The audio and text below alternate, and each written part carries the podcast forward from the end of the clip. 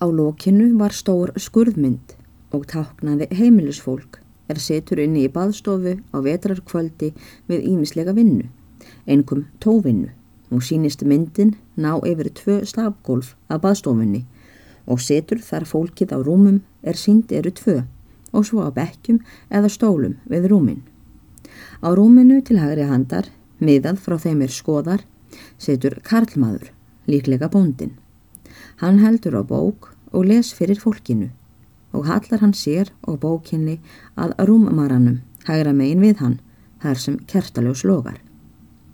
Til vinstri handar við sögulesaran setur kona hans á rúmunu hjá honum og heldur á sveini og rúmlega ár skömmlum sem hún lætur standa á hnésjér og snýr sveininum að lesaranum.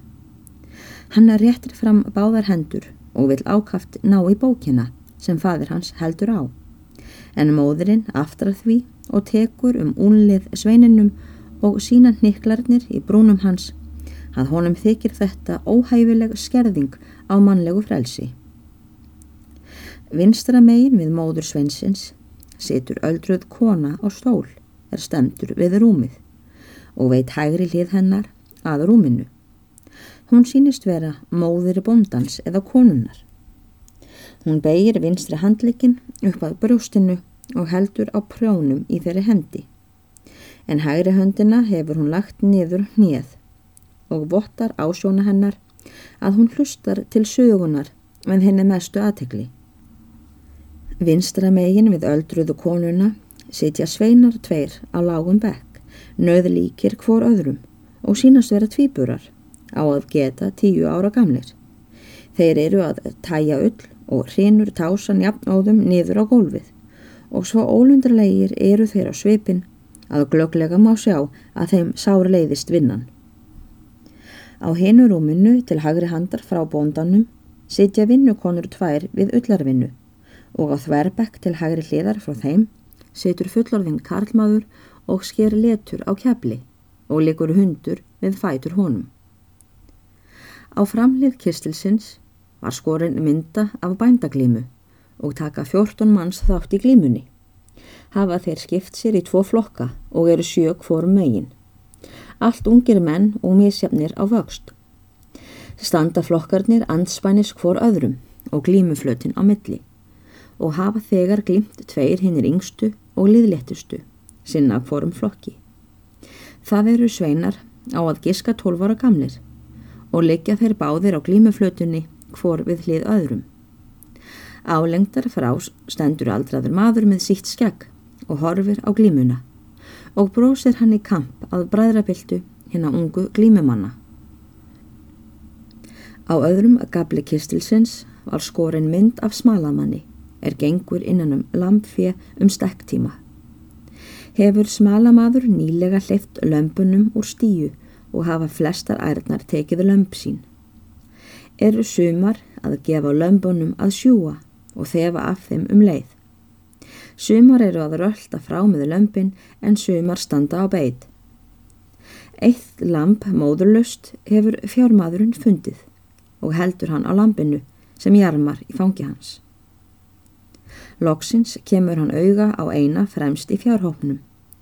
Hún tekur ekki niður í jörðina, snýr öndverð við öllum hinnum og jarmar á alefli og þykist smalin sjá þar móður lampsins er hann heldur á.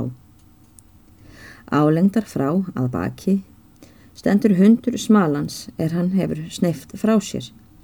Leggur hundurinn niður rófuna og höfuðið látt, en sperrir eirun og virðist fylgja með aðtikli hverri reyfing húsbónda síns, reyðbúin til að hlaupa hvenar sem kallað er.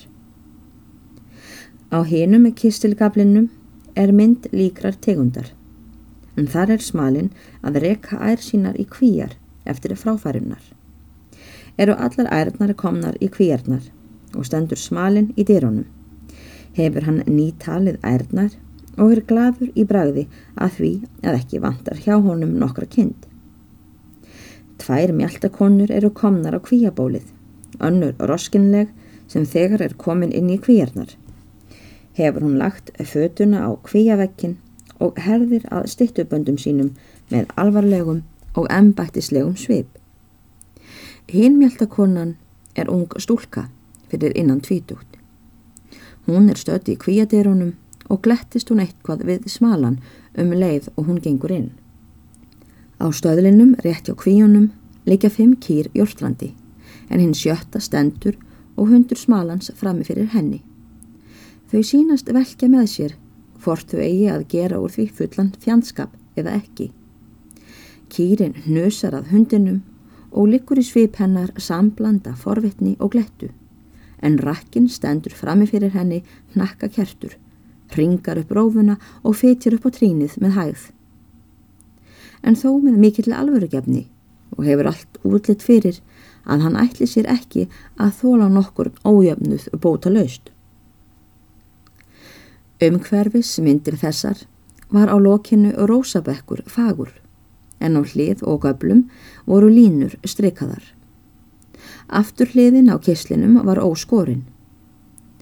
Allt þetta síndi Haldur aðalsteini og sagði honum gjörla frá hvað hvað eina átti að merkja og dvaldist þeim við það góða stund. En er þeir hafðu skoðað að næju sína, mælti Haldur, viltu nú ekki koma ofan? Ég ætti að sína þér skólahúsið að gamni þínu. Þetta bóð var þegið jafn skjótt og gangan og jafnaldrarnir fram úr herrbyrginu mjög líklegir til þess að verða bráðlega kunnugir og góðir vinnir. Þeir skildu og ekki með jafnaði þá daga sem aðalsteinn dvaldi í skálholti.